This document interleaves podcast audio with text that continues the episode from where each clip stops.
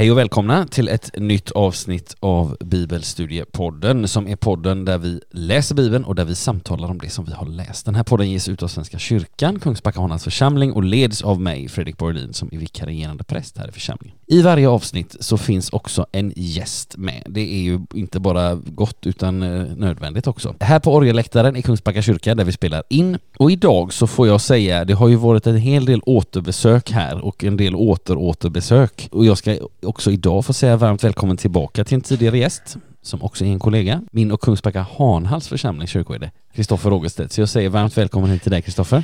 Tack Fredrik, tackar tackar. Jag tänker så här, du har ju fått introducera dig tidigare och sådär. Eh, har du någonting som du vill lägga till till det? Någonting, något exotiskt? Eller väldigt vardagligt fritidsintresse eller sådär? Eh, någonting annat som du liksom vill fylla ut bilden av dig själv? Oj, nej, jag är glad att det är sommar och man snart ska få segla igen. Ja. Det är trevligt. Ja. Är, är det segling i familjen? Är det liksom... Det är segling i familjen. Ja, härligt. Vad kommer, vad kommer färden att gå denna sommar? Har ni bestämt det? Det, det får vi se. Det är Ja. ju lite vart vinden bär. Mm. Däremot så ska min äldste son eh, segla med Ostindiefararen från Göteborg till Stockholm. De har dammat av den igen här. De har dammat av den igen ja, ja. så Mm. den ska segla längs kusten upp så småningom. Spännande. Men hela familjen är med och seglar och så? Det finns ingen landkrabba som stannar på Nej, den det land? finns, Nej. det, nej, det, nej, det är ingen... Nej.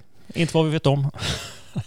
Skönt. Jag, jag tänker vi ska över land och hav här i Apostlagärningarna och jag, Ja. är, jag är ganska mycket av en, jag ska inte säga att jag är en landkrabba för jag har inte, jag har inte ont av sjösjuka och så men, men eh, segling är inte, är inte, det är inte mitt naturliga element om vi säger så. Så att, Ja, eh, ja. men, så jag tänker vi har, då har vi sjöperspektiv och landperspektiv här idag också när Det vi ska, passar ju bra här. när vi ska liksom eh, Du, går, du gör som Paulus, du tar landvägen. Jag tar landvägen. Jag seglar. Ja, men när är du seglar runt, mm. ja precis. Så att, ja, ja, det blir lite roligt. Gott. Ehm, ja, du ska som sagt känna dig varmt välkommen hit tillbaka Kristoffer. Vi ska dra igång med det som vi har kommit hit för. Läsning av och samtal om Apostlagärningarna 20 idag. Och vi ska göra som så att vi ska förbereda oss inför det genom att be. Så jag knäpper mina händer, du som lyssnar är varmt välkommen att göra det också. Låt oss be. Ja, kära Herre, så tackar vi dig att du vill möta oss i ditt ord, göra dig känd för oss, undervisa oss om vem du är. Nu ber vi dig Herre, öppna ditt ord för våra hjärtan och våra hjärtan för ditt ord.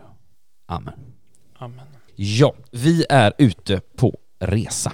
På den tredje och sista av Paulus sammanlagt tre missionsresor. Sen blir det fler resor, men missionsresorna är tre och vi är ute på den tredje. Den har ju pågått ett tag nu, sen i slutet av kapitel 18 och kommer att pågå ett tag till. Till och med en bit in i nästa kapitel, alltså Apostlagärningarna 21. Så nu är vi mitt i eller mitt uppe i den här resan och precis som Paulus första och andra missionsresa så har den utgått ifrån Antiochia i Syrien. Vi har tidigare nämnt att den andra missionsresan sträcker sig över betydligt större områden än den första och vi har också nämnt den här, den tredje missionsresan som vi nu följer Paulus på, rör sig ungefär samma områden som den andra missionsresan. Det vill säga genom dagens Turkiet och på öst och nord och västsidan om Egeiska havet. Alltså upp i Makedonien och ner i Grekland. Och i förra kapitlet så handlade det mycket om Efesos, staden i dagens västra Turkiet. Paulus var där, det blev upplopp.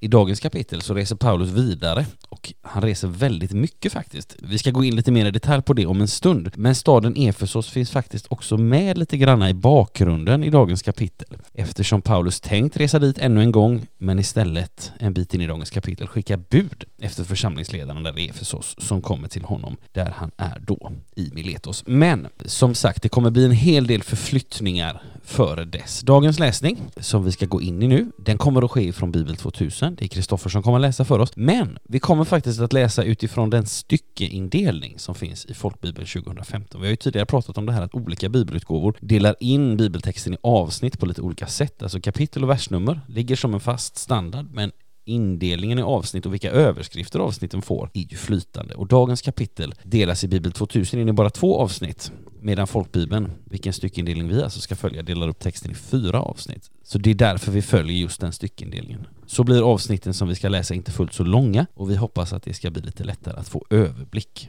Och vi gör det här eftersom det är som sagt det är mycket förflyttningar, många platser och sådär och då kan det vara bra att försöka stycka upp det lite mer. En liten pedagogisk ansats med andra ord så får vi se om den lyckas eller om det blir mer förvirrat än vad det hade varit om vi inte hade gjort den. Men nu ska vi köra igång med vår läsning så att vi ska lyssna till när Kristoffer läser de sex första verserna i kapitel 20, alltså som behandlar Paulus vistelse i Makedonien och Grekland. När oron hade lagt sig kallade Paulus till sig lärjungarna och intalade dem mod. Därefter tog han farväl och bröt upp för att resa till Makedonien. Och när han hade farit genom det landet och flitigt uppmuntrat bröderna kom han till Grekland, där han uppehöll sig i tre månader. Han stod just i begrepp att avsegla till Syrien när en judisk sammansvärjning mot honom fick honom att ändra sig och fara tillbaka genom Makedonien. I sällskap hade han Sopatros, Pyros son, från Beroja, Aricharos och Sekundus som hörde till bröderna i Thessalonike, vidare Gaius från Derbe, Timoteus samt Tykios och Tryfomos från Asion. De reste nu i förväg och inväntade oss i Troas. Själva seglade vi från Filippi efter det osyrade brödets högtid och fem dagar senare träffade vi dem i Troas, där vi stannade en vecka.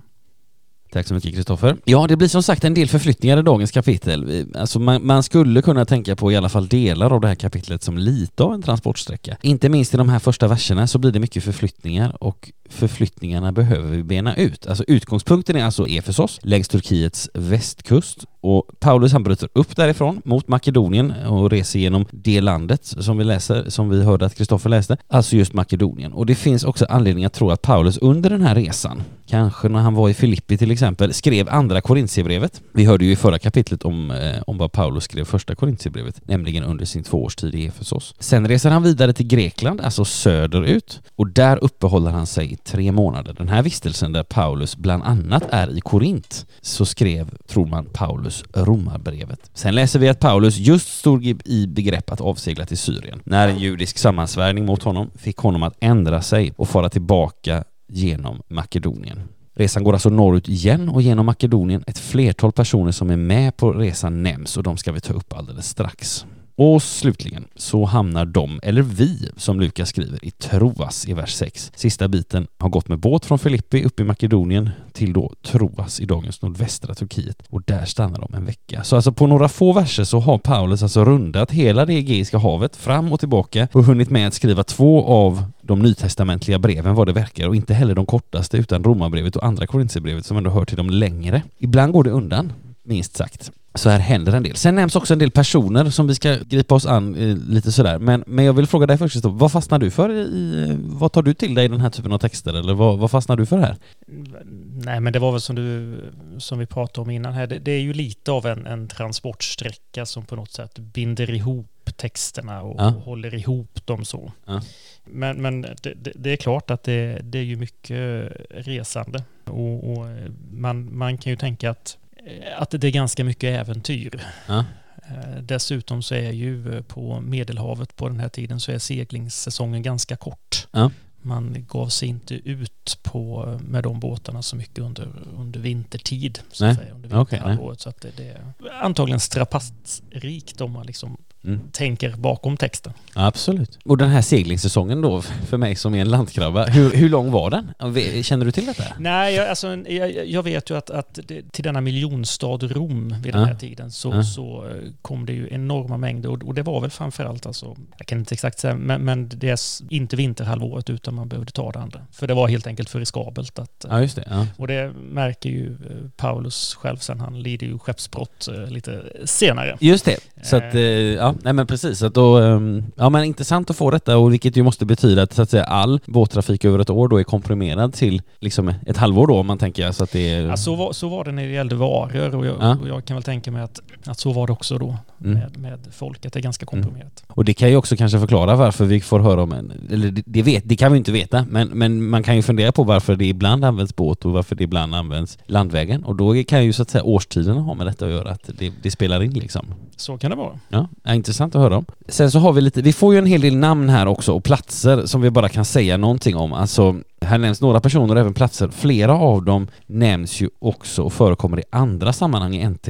Vi får höra om en Sopatros, eh, möjligen identisk med den Sosipatros, eller Sosipatros eh, i Romarbrevet 16 och 21. Men där finns liksom en som har det namnet. Möjligen är de identiska. Beroja nämndes. Där har Paulus varit tidigare i kapitel 17, en stad 8 mil väster om Thessalonike.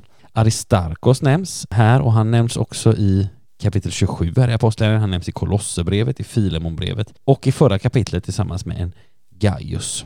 Och de båda kallas för makedonier där. Thessalonike nämns här och eh, har vi också varit i, i kapitel 17, alltså låg i Makedonien och var Makedoniens provinshuvudstad. Derbe nämns, återfinns i mindre Asien, det vill säga dagens Turkiet. Där har Paulus varit, bland annat på sin första missionsresa, men också vill jag minnas på den andra. Så att där har han varit flera gånger. Sekundus, han nämns bara här. Timoteus, alltså Paulus främste medarbetare som vi har talat om, har vi ju nämnt innan. Han kom in i kapitel 16 och är kvar än. Men han kommer inte att nämnas mer efter det här kapitlet. Sen nämns Tychikos, han återkommer också på några ställen, troligen den som överlämnade Efesierbrevet till dess mottagare, för det nämns en Tychikos i Efesierbrevets slut där, som liksom omtalas som en brevöverlämnaren. Och så Trofimos nämns också på ett par ställen här i Apostlagärningarna kapitel 21 i Andra Timoteusbrevet. En medarbetare till Paulus även under senare år får vi veta, vi kan läsa det i Andra Timoteusbrevet, Paulus sista brev.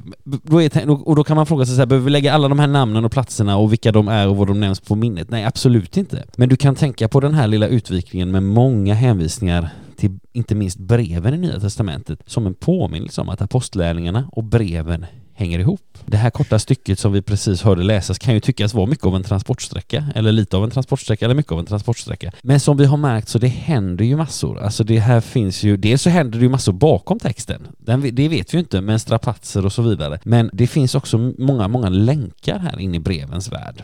Och det är lite intressant det här att personer som nämns här, de nämns ju på andra ställen. Platser som nämns här nämns på andra ställen och det hjälper oss liksom att lägga det pussel som inte bara heter apostlärningarna utan som också heter den tidiga kyrkan där vi måste liksom ta in brevmaterial. När vi lägger liksom brevpusslet så behöver vi ta in apostlärningarmaterial och det gör att, tänker jag i alla fall, att när vi läser evangelierna så, så har vi en begränsad värld. Vi har liksom Jesus, han är den solklara huvudpersonen. Han har några lärjungar som finns med men det är ändå en värld som är ganska lätt att få grepp om rent liksom informationsmässigt. Men det är, sen är det när vi kommer liksom till nästa nästa sak i Nya Testamentet, alltså apostlärningarna och breven och försöka bena ut och få en någorlunda klar bild av, av liksom den första kyrkans tid efter uppståndelsen och himmelsfärden. Då är det ett lite större, då har vi gått liksom från ett 200-bitars till ett kanske 2000-bitars pussel eller någonting. Alltså det, det, krä, det tar mer tid och det ska, man, det ska man vara medveten om så att man inte tänker oj, det här är för svårt för mig. Nej, svårt är det inte, men det tar lite tid. Och det är en skillnad där i. Ja, och sen tänker man väl också att eh, de pusselbitar man inte har. Ja. De brev som Paulus skrev som Ja. tidens stand Ja men precis. inte förde vidare så att säga. Nej precis, och därför måste man ju någonstans liksom också tillåta sig själv att inse att nej men vi har inte hela. Nej. Vi har inte hela, vi kan inte lägga hela pusslet, men vi kan lägga en väldigt, för att vara händelser i en annan del av världen för 2000 år sedan snart, så får man ju ändå säga att vi kan lägga ett mycket, mycket bra pussel utifrån de förutsättningarna. Absolut. Vi skulle inte kunna lägga ett liknande pussel om vad hände i Kungsbacka kommun år 50. Det kan vi sluta oss till.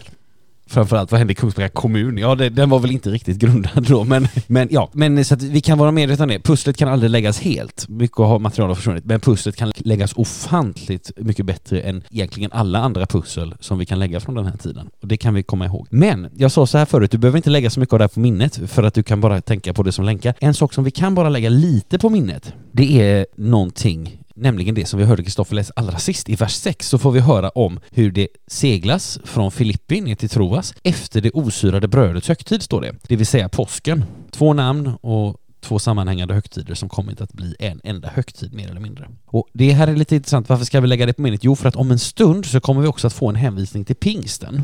Paulus vill hinna ner till Jerusalem före pingstdagen och det är ju 50 dagar mellan påsk och pingst. Så håll det här lite bara med osyrade brödets högtid i minnet när vi nu ska läsa vidare om vad som händer i Troas som sällskapet nu har kommit fram till. Så då lyssnar vi till när Kristoffer läser verserna 7 till och med 12. Dagen efter sabbaten hade vi samlats för att bryta bröd. Paulus som skulle resa nästa dag talade till bröderna och han höll på ända till midnatt. Det fanns många lampor i det rum på översta våningen där vi var samlade. En ung man som hette Oistykos hade satt sig i fönstret. Han föll i djup sömn då Paulus talade så länge och i sömnen ramlade han ut från tredje våningen och när man lyfte upp honom var han död. Paulus kom då ned och lade sig över honom, slog armarna om honom och sa Sluta med klagan, han lever. Och han gick upp igen, bröt brödet och åt. Sedan fortsatte han länge att predika, ända till gryningen, då han lämnade dem. Ynglingen levde och kunde föras hem och de kände en stark tillförsikt. Tack så mycket Kristoffer. Ja, nu är vi i Troas där Paulus också var under sin andra missionsresa i kapitel 16. Efter en lång resa genom Makedonien och ner till Grekland och tillbaka igen så är alltså Paulus med vänner tillbaka i det som idag är Turkiet och närmare bestämt uppe i dess nordvästra hörn i staden Troas. Och här får vi höra om några intressanta saker. Alltså det är den första dagen efter sabbaten Alltså de, de kristna träffas för att bryta brödet, det vill säga hålla nattvardsmåltid, på dagen efter sabbaten. Alltså redan här firar alltså de kristna den första veckodagen, söndagen, den dag då Jesus uppstod som gudstjänstdag. Möjligen kan, det, kan också den här samlingen som vi får höra om här ha ägt rum på lördag kväll eftersom judisk tideräkning ju börjar vid solnedgången dagen dessförinnan. Och vi får ju också veta att den här tillställningen, gudstjänsten, hålls en natt, eller liksom natten igenom, så den skulle kunna ha börjat på kvällen. Sen får vi också för det andra höra om en ganska lång predikan, minst sagt. Kristoffer, tankar om detta? Hur, hur, lång har din, hur, hur lång har din längsta predikan varit? Det kan ju hända att eh, folk har somnat även om den har varit kort på grund av innehåll. Nej, men, eh, men, men ibland eh, genom liksom Bibeln så, så kommer de här lite, alltså ganska roliga små historierna in liksom. Ja. Som, som liksom har behållits. Liksom det ja. måste ju ha hänt jättemycket men, men även den som skrev ner det måste ju ha tyckt att det var, det var värt att ta upp liksom. Ja, absolut. Ja men det, och det, precis, det är ju en smula dråpligt detta så kan man tycka det är ju hemskt tragiskt han, han avlider ju men, men, men sen blir ju slutet gott liksom och då får man ju någonstans tänka att allting var gott om slutet var gott. Alltså man kan ju, man kan ju fundera på om det, ligger, om det ligger en varning till oss här i att inte predika för länge. vi har väl faktiskt, om jag inte har helt fel på predikstolen, så har vi ju eh, timglas här va? Just det. Jag tittar ner här. Jajamensan, de står där. Jag vet dock inte hur så att säga lång tid de reglerar, men... Eh... Nej, det vet inte jag. Nej, men det är intressant här och, de, men, och det är också intressant att gudstjänsten fortsätter efter detta, så att säga. De, de håller på därefter. Men vi kan ju konstatera att, att det var ett ganska eh, alltså, stort, alltså det var tre våningar på huset. Ja. Så det är ju liksom en, en stad vi ja. rör oss. Ja men precis. Ja. Det är liksom ingen liten landsbygdsby utan liksom en, en, eh, ja, en, en, en romersk stad ja. med sina insula, sina bostadshus. Ja. Och som sagt, ja, nej, men vad ska vi säga mer om detta? Jag funderar på om Möjligen så kan vi ju känna igen någonting här i de ord som Paulus säger. Alltså ibland så har vi ju stannat till inför detta med att sådant som apostlarna får vara med om också är ett eko av sådant som, som Jesus har fått vara med om. Och jag tänker det intressanta här som Paulus säger i vers 10, sluta med er klagan, han lever. Alltså Jesus har ju sagt något liknande vid några tillfällen, bland annat när han botar en liten flicka, så säger han så här, flickan är inte död, hon sover. Och, de, och då skrattar de åt honom. Alltså att det är just det här att försäkrandet om att det handlar inte bara om, alltså man kan, man kan fundera så här, var, varför, vad är poängen med att säga så om han ändå ska återuppväcka henne? Liksom. Det kan man ju fundera på, varför, varför skulle Jesus då i det fallet säga hon är inte död, hon sover, om han ändå sen får vi tänka, ska, ska faktiskt uppväcka henne? Alltså, men det, det, det, det är intressant att fundera lite över det där. Eh, här, får vi, här läser vi om någonting liknande, sluta med klagan, han lever. Vad betyder det? Levde han faktiskt? Eller nej, av sammanhanget här så, så är det väl snarast, det står att han var död, men ändå så säger Paulus, han lever. Händelseförloppet är något oklart. Händelseförloppet är något oklart och, och jag vet inte om man kan tänka på det som ett eko av det här som som Jesus säger på något ställe i Lukas evangeliet, det vill säga Gud är inte en gud för de döda utan för de levande, för honom är alla levande. Alltså det finns ett, det finns ett, ett, ett himmelskt perspektiv på det, eller ja, nej jag vet inte, men, men det, det är intressant att de här sakerna, när, varför de här orden sägs. Vi, vi kanske inte kommer längre in i dem, men, men det, kan vara, det kan vara intressant att fundera över dem bara.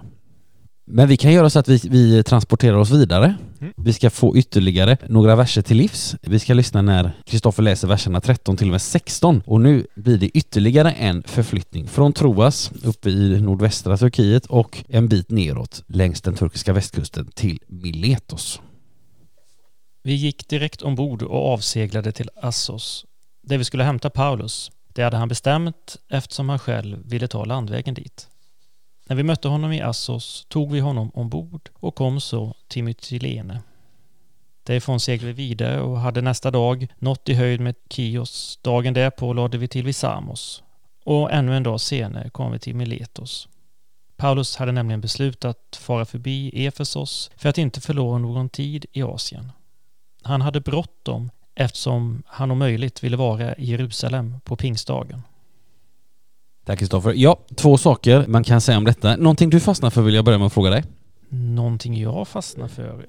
Ja, jag kan tänka mig att han hade lite bråttom för det är en bit att ta sig. Ja, det är det absolut. Och, ehm, ja, nej men det, det, det, det är lite, det är ju ovanligt att vi läser en, en bibelbok i vi-form och det är Ja. lite uppfriskande. Ja, ja men det är sant. Det är mycket sant. Och det, Eh. har, det kommer ju in här. Det har ju liksom, här har ju Lukas kommit och gått lite grann, eller på, Mm. på något sätt, eh, han dyker in i, i sammanhanget här. Och han, han verkligen smyger ju in. Alltså för det, det finns ju ingenting av det här och då kom jag, Lukas, liksom, utan, utan det, det kan bara nästan vara som i andra halvan av en mening så bara, och nu gick vi dit liksom. Så att det, det, det är lite, ja, det är lite, det är lite detektivarbete som fordras där. Vi får höra om, vi hörde Kristoffer läsa sist här också, alltså nu, nu nämns ju pingsten, alltså han vill hinna ner dit och vi förstår att eh, vi kan säga någonting mer om det och så får vi höra det här om att han ville ta landvägen så att säga, apropå det här med landskrabbor och sjöfolk som vi var i inledningsvis i dagens samtal. Skulle man säga någonting mer om dagen dagens, om den här förflyttningen? Alltså det här är också liksom verkligen ett förflyttningsavsnitt i dagens kapitel. Det är ganska rakt upp och ner. Förra gången, alltså det, de första verserna i dagens kapitel, så hände det ju mycket. Alltså när man tittar närmare på det, alltså Paulus rundade hela Egeiska havet fram och tillbaka och han dessutom skriva två av sina brev. Men, och här är det intressant att i det här förflyttningsavsnittet så är ju resan betydligt kortare. För det är just bara en resa. Den går från Troas, alltså nordvästra Turkiet, ner till Assos, till Mitylene, Nästa dag till i höjd med Kios. Dagen därpå lade de till vid Samos och ännu en dag senare så kommer de till Miletos. Alltså det här är alltså en resa som går från dagens Turkiets nordvästra hörn söderut längs kusten genom skärgården på dagens Turkiets västkust. Slutmålet Miletos ligger nästan men inte riktigt i det sydvästra hörnet av dagens Turkiet. Så då har vi liksom, då har man kanske en bild av hur vi har förflyttat oss så att säga. Så det här är verkligen en transportsträcka. Men en liten, liten sak kan vi stryka under. Nu tar vi upp den här tråden kring det här med osyrade brödets högtid och 50 dagar senare så kommer ju pingsten. För i vers 16 så hörde vi det här läsas. Alltså han hade bråttom eftersom han om möjligt ville vara i Jerusalem på pingstdagen. Och det hjälper oss att se att den här resan från Filippi, det var ju där som de bröt upp, uppe i Makedonien som startade efter det osyrade brödets högtid, till Jerusalem och möjligt innan pingsten. Den här långa resan på under 50 dagar var möjlig vad det verkar, men det var bråttom. Så där får vi också en liten känsla för att okej, Det har gått en stund va? och det har Det precis, har- det har det gått har- några dagar, även om, även om här berättar ju också Lukas väldigt mycket sådär att nästa dag kom vi dit, nästa dag kom vi dit. Ibland så är det, kan det gå tre år utan att det händer någonting. Men som sagt, de seglade och han gick ju en bit med fötterna. Så att eh, det, det är nog inte 50 dagarna på sig här. Nej, och då kan man ju också ställa frågan, han han då? Och, då kan, jag, och då, då kan vi göra det så bekvämt för oss att vi kan säga så här, det får vi reda på i nästa kapitel om han hann eller inte. Eller rättare sagt så här, det får vi kanske reda på i nästa kapitel.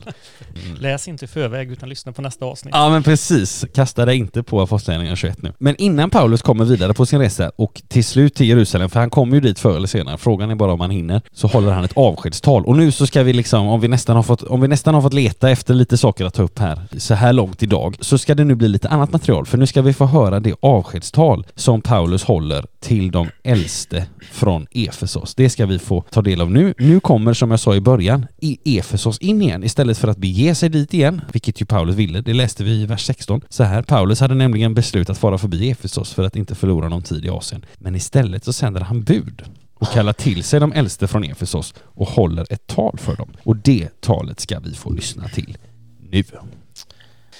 Från Miletos skickade han emellertid bud till Efesos och kallade till sig församlingens äldste. När det infunnit sig sa han till dem Ni vet hur jag har uppträtt bland er hela tiden från första dagen jag kom hit till Asien. Jag har tjänat Herren i all ödmjukhet under tårar och under prövningar som jag utsatts för genom judarnas anslag. Jag har inte varit rädd för att låta er veta det som gagnar er utan har undervisat er om det offentligt och i hemmen. Och jag har enträget uppmanat både judar och greker att omvända sig till Gud och tro på vår Herre Jesus. Nu känner jag mig tvingad att resa till Jerusalem utan att veta vad som ska möta mig där. Jag vet bara att den helige anden i stad efter stad försäkrar att bojor och lidanden väntar mig. Men jag anser inte att mitt liv har något värde för mig. Jag vill bara fullborda mitt lopp och det uppdrag som jag har fått av Herren Jesus att vittna om Guds nåderika evangelium. Och nu ser ni mig aldrig mer, det vet jag. Alla ni som jag har besökt och förkunnat riket för. Därför vill jag denna dag bedyra att jag är utan skuld om någon går förlorad. Ty jag har inte varit rädd för att delge er allt som hör till Guds plan. I akt på er själva och på hela den jord som den helige Ande satt er att ha uppsikt över, för att ni ska vara herdar för Guds församling, som han har vunnit åt sig med sin sons blod. Jag vet att när jag lämnat er ska farliga vargar som inte skonar jorden tränga in bland er. Ur era egna led ska det träda fram män som förkunnar villoläror för att dra lärjungarna över på sin sida.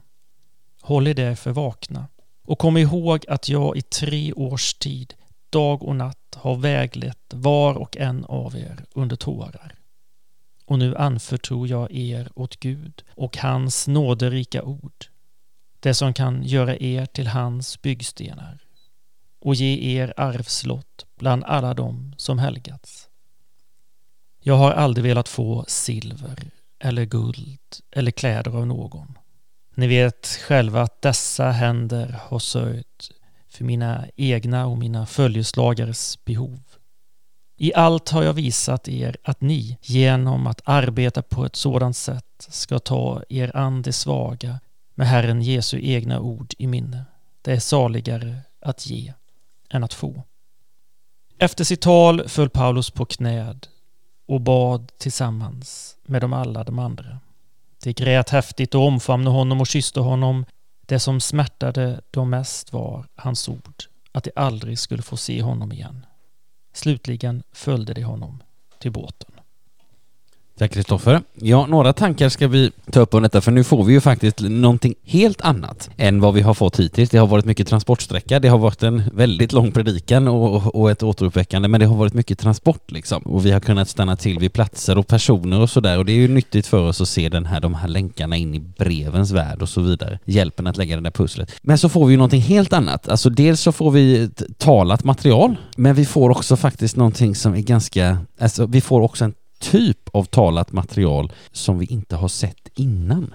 Du som har följt med på den här apostlagärningarna-vandringen vet att vi har stannat till vid de tal som har hållits och så har vi varit på jakt efter tre ingredienser i de här. Alltså, och då tänker vi på de här talen som Petrus, Paulus, Stefanos håller offentligt, alltså vi kan tänka på som predikningar, där liksom det första exemplet är Petrus eh, tal eller predikan på pingstdagen och sen så kommer ju ett antal sådana olika tal där liksom syftet är att vinna åhörarna för Kristus eller för Guds rike. Och där har vi letat efter tre ingredienser i de här talen. Det, det, tror jag att du som lyssnar minns. Alltså den första ingrediensen, vad har Gud gjort i historien? Den andra ingrediensen, vad har Gud nyligen gjort genom Jesus Kristus? Och så den tredje ingrediensen, vad inbjuder Gud nu människor till att göra?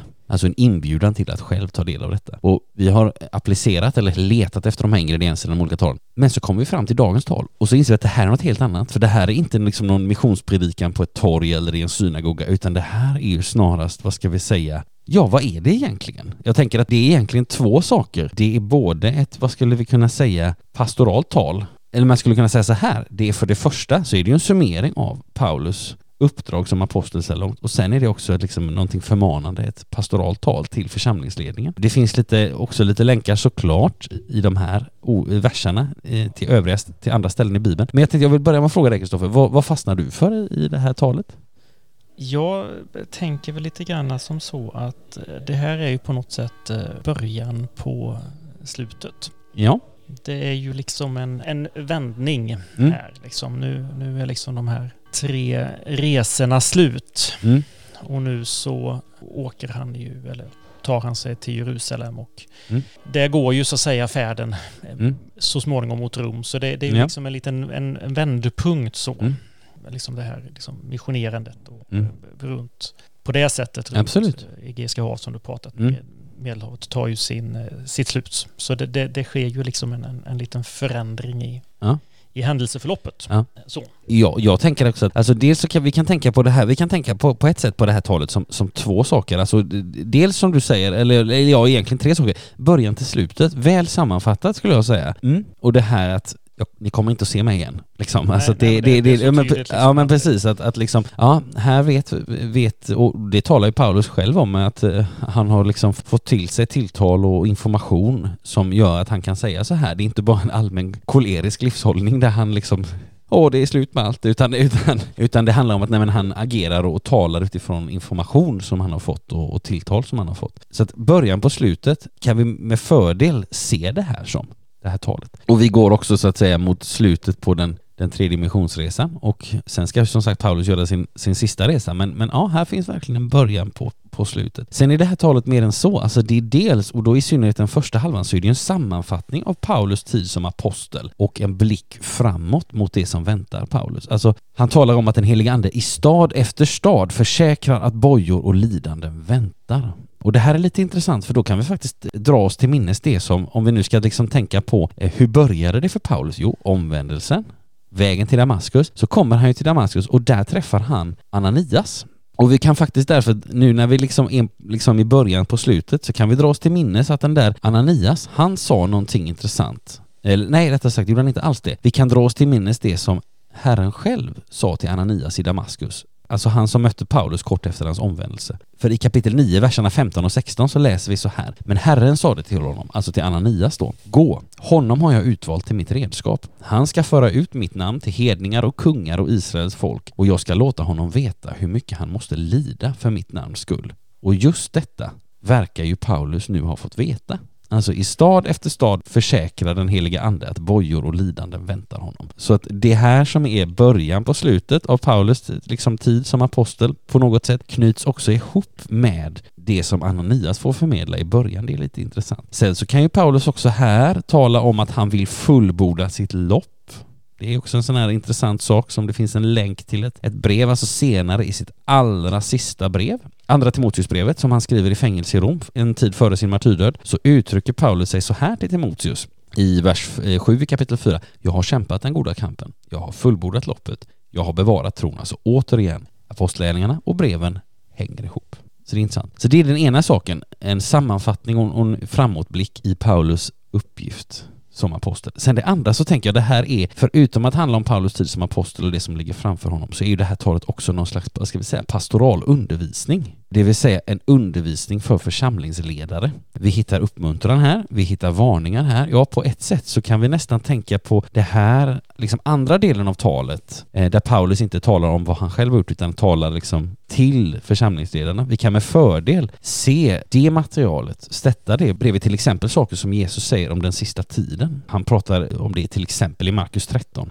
Och jag tänker så här, ett särskilt understrykningsvärt ord är ju vers 28. kan man också ta till sig när man finns i, i församlingsledning. Eller när man är, ja men till exempel i mitt och Kristoffers kyrka, så står det så här, ge akt på er själva och på hela den jord som den helige ande satt er att ha uppsikt över, för att ni ska vara herdar för Guds församling som han har vunnit åt sig med sin sons blod. Det är ju ett ord att marinera sig själv i lite grann, eh, om man får säga så. Alltså det, är- det, är- och det är också en bra sammanfattning av det som Paulus vill säga här, tänker jag. Har du något mer som du tänker kring, kring den biten, Kristoffer? Nej men du, du sammanfattade så bra. Jag, jag satt här lite medan du talade och, Ja. och, och lät tankarna flyta lite grann. Att, att det här är ju, eh, när, när, när vi pratar, att, om, om man pratar om de andra lärjungarna, Ja. så, så är de ju, ja, de, de, de är fiskare från en, en Mm. liten by långt ut i en, en provins i, Ja. i yttersta utkanten liksom, visst, av, av den dåtida världen.